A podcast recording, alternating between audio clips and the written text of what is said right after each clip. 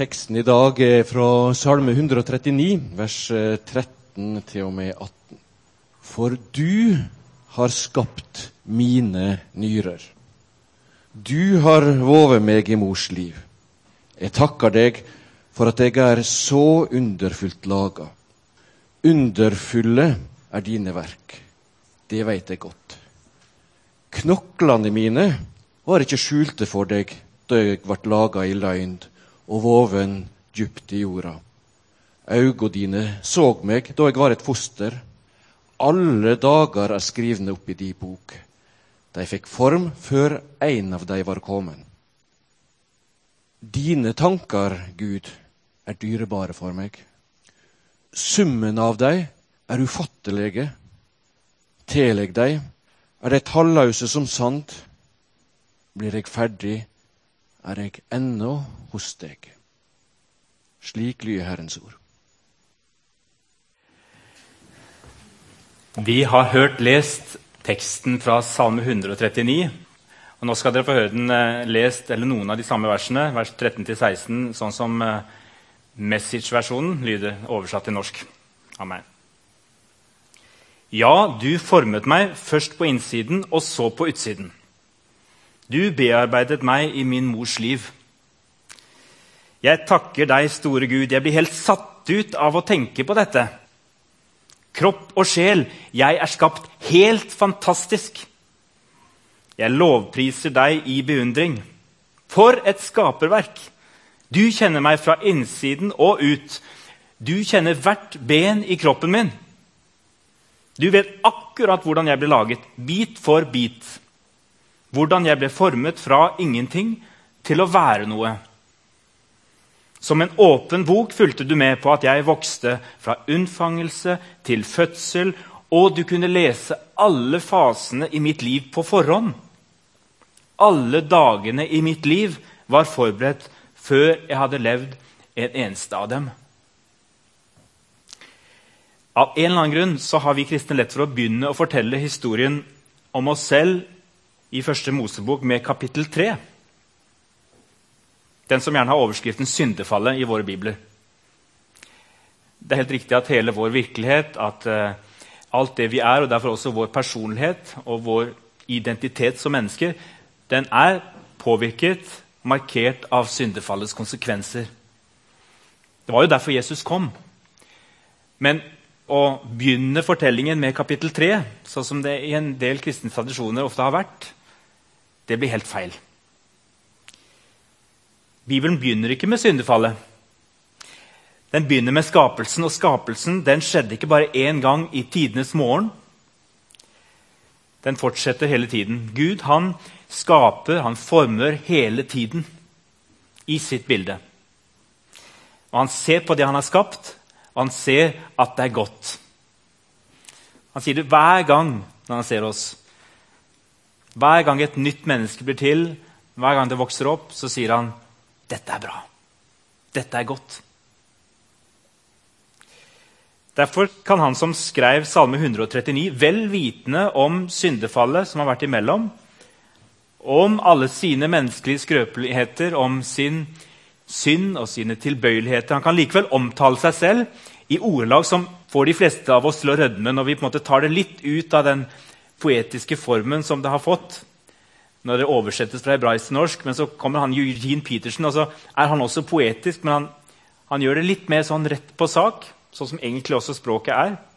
Kropp og sjel, jeg er skapt helt fantastisk. Jeg lovpriser deg i beundring. For et skaperverk! Når var sist gang du stilte deg opp foran speilet og leverte en sånn takkebønn til Gud? Kanskje det er det du skal gjøre når du kommer hjem i dag? For et skaperverk! Og like fullt det er veldig mange mennesker som går rundt og tror at de er feilvare. At de skulle ha vært returnert til avsender. De syns ikke de passer inn. Om de passer inn, så passer de i hvert fall ikke inn i den menigheten de, de har begynt å gå i. Det er aldri noen som sier til dem at de er på feil sted. Stort sett alltid mye vennlighet i sånne sammenhenger som vi representerer. Men det er et eller annet som gjør at det jeg kaller den store katedralen som hvert enkelt menneske representerer, det får liksom ikke plass i vårt lille kapell. For det er jo sånn at vi med vår ånd, sjel og kropp og hele vår personlighet og vår identitet vi er som en katedral. Og et kapell det kan være skjønt og intimt og varmt, men det har ikke så mye plass. Det rommer ikke så mange mennesker. Kanskje er det faktisk for mye å kreve av en menighet at, at den skal romme alt vi har inni oss. Alt av drømmer, behov, lengsler, interesser, oppfatninger, hjertesaker. Kanskje trenger vi av og til å, å minne oss på at cellegruppa eller lokalmenigheten er ikke nok. Kanskje må vi ha noe mer. Men, men i positiv forstand så tenker jeg at det også er en påminnelse om at, eh, om at vi som menighet vi hører til på en større kropp. At Kirken den er mer enn oss som er her. Men jeg vil likevel ikke helt slippe taket i den dypere problemstillinga. For også i vårt lille kapell, i vår lille flik av Guds rike, som er bymenigheten Sandnes, så trenger vi et mangfold av mennesker og personligheter. Vi skal ikke være for raske med å si ja, da får vel du bare finne deg en uh, annen menighet. For Først må vi stille oss spørsmålet hva går vi som fellesskap glipp av hvis vi mister deg og det du representerer? Og hva kan vi gjøre for å gi mer av den store katedralen inni deg rom i vår lille menighet? Og Da inviterer jeg Hans Eskil til å komme opp. Hans Eskil Vigdel han er diakon i Sola. Det er ikke først og fremst det han er, det er det han jobber med. Han er gift med Katrine, og de bor i Sandnes. og her For ca. et halvt år siden så kom de innom hos oss, og etter hvert så har de funnet ut at uh, dette skal være deres åndelige hjem. Det er vi glad for, men omtrent parallelt med dette her så så begynte du Hans Eskil, å, å, skrive litt mer i hvert fall i offentligheten enn det du har gjort før. Og oppdaget kanskje at du har en viktig stemme, og at det er viktig at du fyller en plass på et vis med noen av dine erfaringer. Og Det har vært spennende å følge deg litt på den reisen. Jeg skal ikke snakke så veldig mye om alt det du har skrevet, men jeg kan si at jeg har lånt det bildet om katedralen av deg. en samtale vi har hatt. Det er ikke sånn at du alltid har gått rundt og sett på deg selv som en katedral. Nei. Men nå tør du å gjøre det.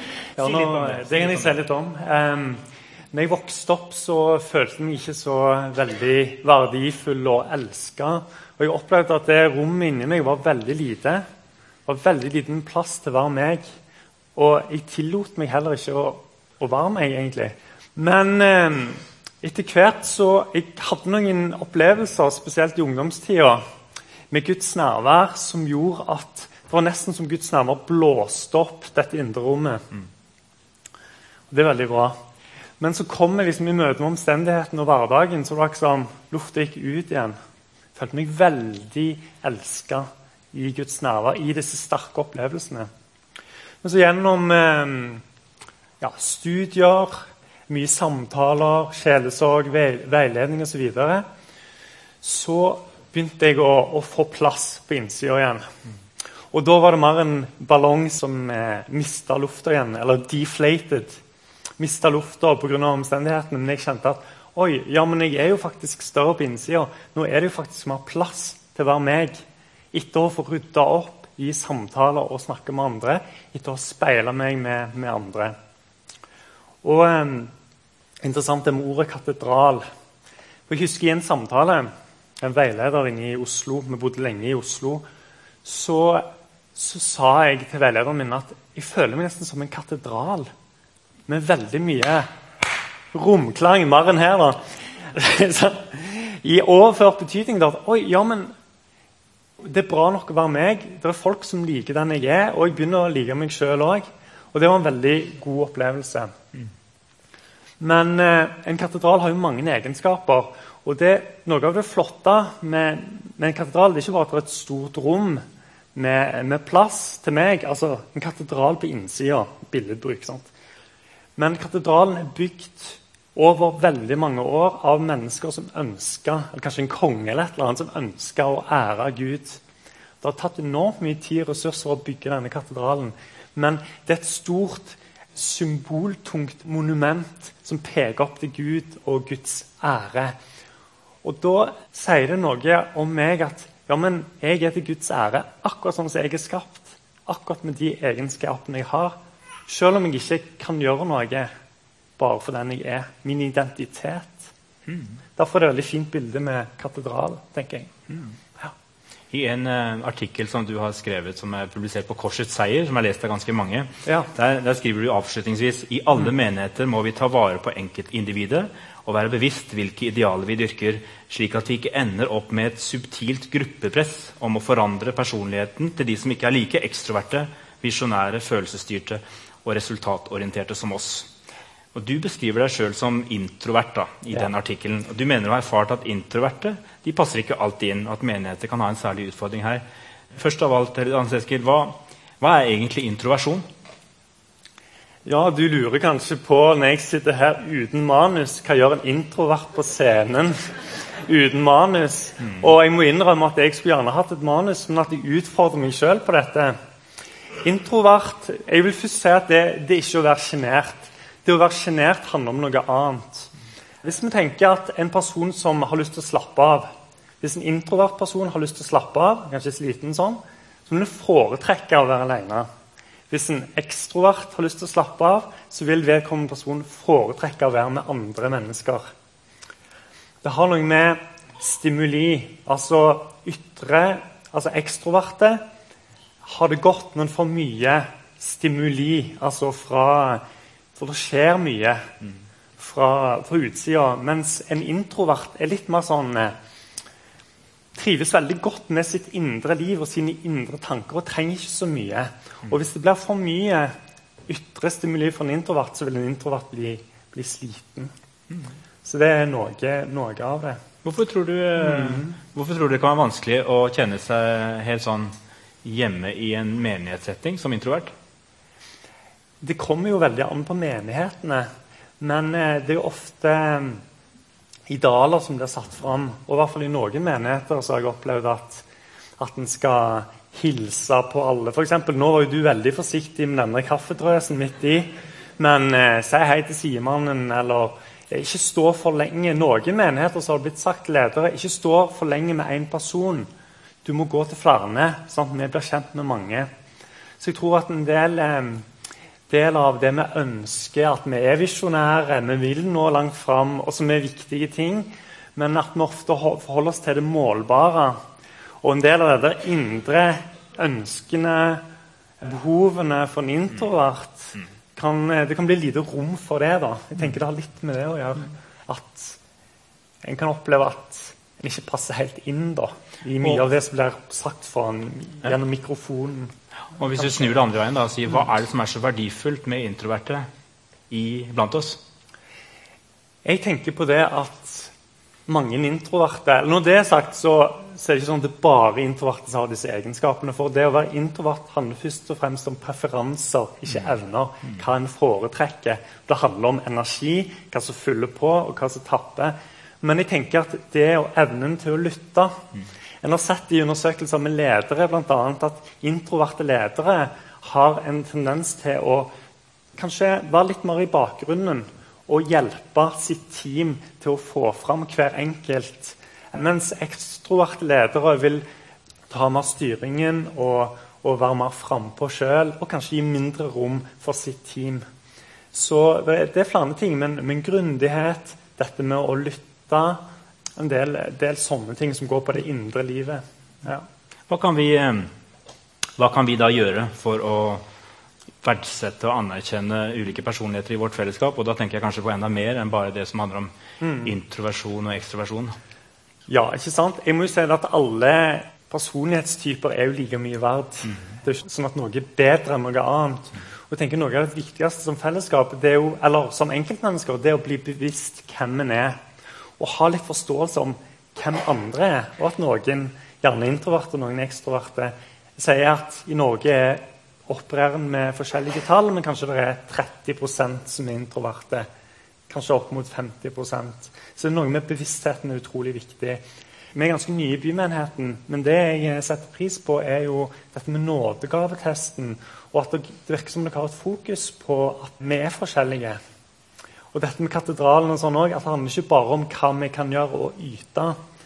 For at det én ting er jo dette med den offisielle menigheten, sånn som vi er organisert i bymenigheten, kan ikke romme alt av alle uttrykk og, eh, og sånn. Men vi er jo hele mennesker. Vi er jo ikke bare de som er i bymenigheten. Vi er jo menighet hele tida, 24 timer i døgnet.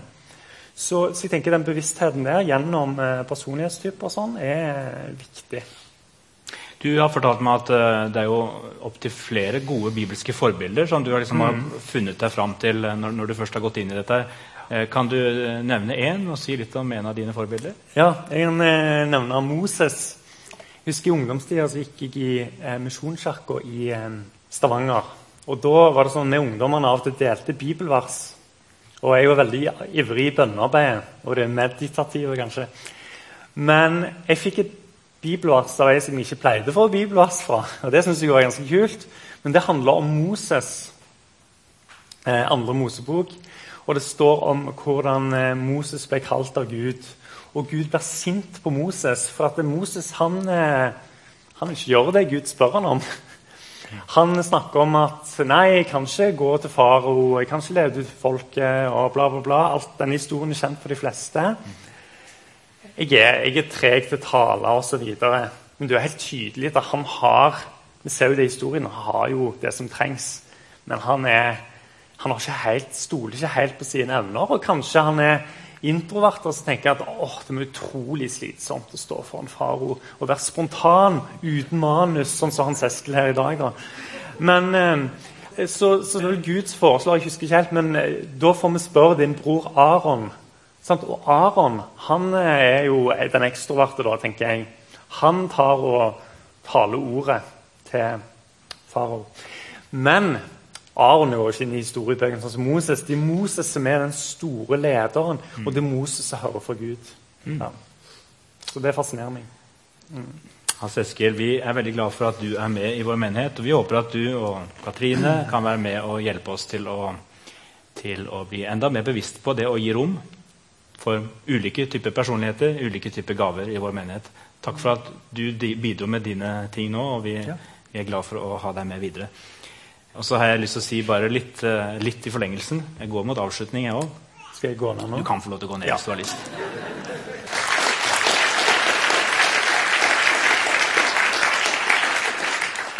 Nå skal jeg også være litt spontan, eh, for jeg liker jo også å ha manus. Men jeg kom på nå plutselig at jeg eh, var med på en veldig spennende reise i Stavanger International Church. som gikk på egentlig akkurat dette. Av og til så får man ord på på noe av det som skjer. For det, er jo en veldig flerkulturell menighet. Og det finnes jo både introverte og ekstroverte kulturpreferanser. Og det er jo sånn at eh, Amerikanere eksempel, de er overveldende stor del av de er, har lettere for å snakke med alle og være veldig relasjonelle. Så det er en veldig sånn ekstrovert kultur. vil noen si. Så har du Helt på den andre siden av skalaen så har du f.eks. noen asiater, f.eks. indonesere. Og Jeg opplever da i et menighetsråd i Stavanger International Church å ha en menighetsrådsleder som er fra USA i halvannet år. Og jeg har med meg en indoneser i det samme menighetsrådet. Og så kommer den dagen da han takker av som president, og vi skal finne en ny eller det menighetsrådsformann, leder. Og så er det en, et klokt hode som sier til meg Ta han. Han blir den neste lederen. Og så sier jeg med all mulig respekt, men han har jo aldri sagt noe som helst i menighetsrådet i ett og et halvt år. Hva kan han bidra med? Hvorpå eh, han likevel insisterer. Jo, du skal bruke han. Forsøk deg på han. Ta en prat med han og bli litt enige om hvordan han ser for seg lederskapet. Og det gjør vi. Så velger vi han, og De neste halvannet årene så får jeg gleden av å ha Hotler som, som leder i menighetsrådet. Og Det var et annet lederskap, med et fantastisk lederskap. Og Det viser seg da at hele det indonesiske miljøet de er ikke så forferdelig mange, men det, en, det var en relativt stor gruppering i Stavanger. Alle vet hvem Hotler er. Han har vært lenge i Norge. Han er den naturlige lederen for helt, uh, etnisk, en etnisk gruppe i Stavanger. Og når vi fikk øvd oss litt på å gi litt tid i samtalene i et menighetsråd, og litt mer direkte si 'Hva tenker du om dette?' så var plutselig også han og andre på banen. Og han leder på en god måte. Det lærte meg noe om, uh, som jeg tror vi trenger også i vår menighet. For jeg tror også vi her har flere kulturer representert bl.a. i form av ulike personligheter. Og så er det sånn at uh, Når jeg snakker om dette her i dag, så kan det være med å bekrefte og sette ord på tanker og opplevelser som mange av dere har gått med, og det kan gjøre godt. For andre så gjør egentlig dette bare vondt, for det, det minner dere på noe mye uarbeida stoff som ikke uten videre blir borte fordi om jeg snakker litt om det i en tale sammen med Hans Eskil. Det er kanskje noe som sitter i kulturen vår, og kultur det tar tid å endre. Det begynner kanskje med små skritt, og derfor så snakker vi om det. Og vet samtidig at dette er ikke løst på en dag. Det begynner f.eks. i åpne samtaler om dette i tjenestegrupper og i cellegrupper. som mange av dere Er med i. Er det rom for dere der dere er nå? Er det rom for andre der? Hvorfor er det eventuelt ikke det? Er det gode grunner for at det ikke er rom for deg eller andre i så stor grad som du kanskje kunne ønske? Hva er det mulig å gjøre noe med? Våger vi å ta sånne samtaler fra tid til annen? Jeg vil be oss som fellesskap om å våge åpenhet og rettlede hverandre når vi med våre ord og handlinger gjør rommet for andre mennesker mindre istedenfor å gjøre det større. Og så, så, er det umulig for meg å snakke om et sånt tema uten samtidig å nevne den situasjonen som bymenigheten er i som valgmenighet i Den norske kirke. Det er på en måte en slags elefant i rommet veldig ofte. derfor så, Istedenfor å bare gå rundt den, så snakker jeg om den innimellom. Etter at et flertall på kirkemøtet vedtok å åpne for vielser av likekjønnede, så har både jeg og menighetsrådet med støtte fra Selvlederforum gått ganske tydelig på banen. Vi har sagt at vi både i vår undervisning og i vår vielsespraksis vil stå på en klassisk forståelse av ekteskapet, fordi vi ikke finner at det er bibelsk belegg for å forandre på det. Vi har pekt på at nettopp som valgmenighet så kan vi være med å skape et rom i Den norske kirke som er forutsigbart og tydelig, samtidig som vi ønsker å beholde relasjonen til den kirka vi er en del av, og vi ønsker å kjempe for at det skal være rom for oss. Jeg vet at mange av dere er glad for det vi har sagt og gjort. Det var trolig avgjørende for at dere kunne fortsette å være i menigheten vår. Avgjørende for at dere kunne kjenne at det var rom for dere her.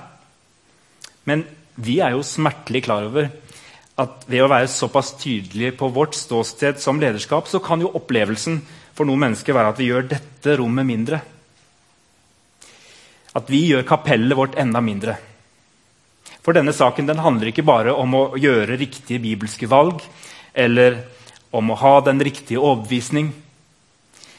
Men for dem dette gjelder mest, så handler det jo om identitet og personlighet. Det handler om å kunne se seg i speilet, være stolt av den Gud har skapt hvert menneske til å være. Og noen lurer på om de kan det. Det er helt sikkert mennesker som er i vår menighet, eller som betrakter vår menighet fra utsiden, som lurer på er det rom for meg og min seksuelle identitet i bymenigheten.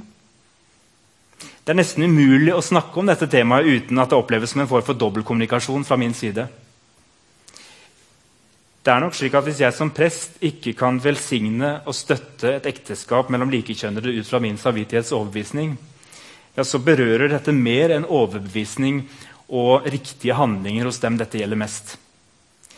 Det handler for dem om identitet og personlighet. Det handler ikke bare om hva mennesker gjør, men også om hva mennesker er. Og Selv om jeg kan mene at det er mulig å skille mellom identitet og handlinger, så hører jeg at det for mange oppleves umulig. Ja, regelrett at det kan høres ut som en hån. For noen mennesker så koster det da så mye å stå i relasjon til meg og kanskje også vår menighet når vi lærer og sier som vi gjør, at de ikke orker. Det gjør utrolig vondt. Og jeg har ikke noen enkle løsninger for dem som kjenner det sånn. Men jeg har lyst til å si at til alle oss som ikke finner det mulig å endre syn eh, på ekteskapet mellom én mann og én kvinne, at ekteskapet er mellom én mann og én kvinne, ja, så, så, tror jeg fortsatt at vi som fellesskap trenger så mange slags livserfaringer som mulig representert i vår menighet. Vi trenger det. At vi har en tydelig lærer i dette spørsmålet, det gjør oss ikke til en sekt som kan fortrenge dem som tenker annerledes. Vi trenger ulike identiteter og personligheter Derfor ønsker vi fortsatt alle slags mennesker med alle slags livserfaringer velkommen til oss. Og jeg vet at jeg sikkert dobbeltkommuniserer. Men slik vil det alltid være i sånne saker. Vi må nemlig tåle at mennesker i vår nærhet lever og handler annerledes enn vi kanskje ut fra vår overbevisning kan mene er viktig. Det må vi øve oss på som fellesskap. Og Derfor vil jeg også si til alle som kjenner at de ikke passer inn, av den årsak eller andre årsaker. Bli hos oss hvis dere orker. For vi trenger dere. Vi trenger deres identitet og deres livserfaringer. Vi trenger dere også om dere gjør valg i livet som vi kan være uenig i. Hjelp oss med å øve oss på de vanskelige samtalene og det krevende relasjonsarbeidet. Vi ber Takk, Herre, for at du formet oss først på innsiden og så på utsiden. Takk for at du bearbeidet oss i vår mors liv. Jeg takker deg, store Gud. Jeg blir helt satt ut av å tenke på dette. Kropp og sjel, alle her i dette rommet, er skapt helt fantastisk. Vi lovpriser deg i beundring. For et skaperverk! Amen.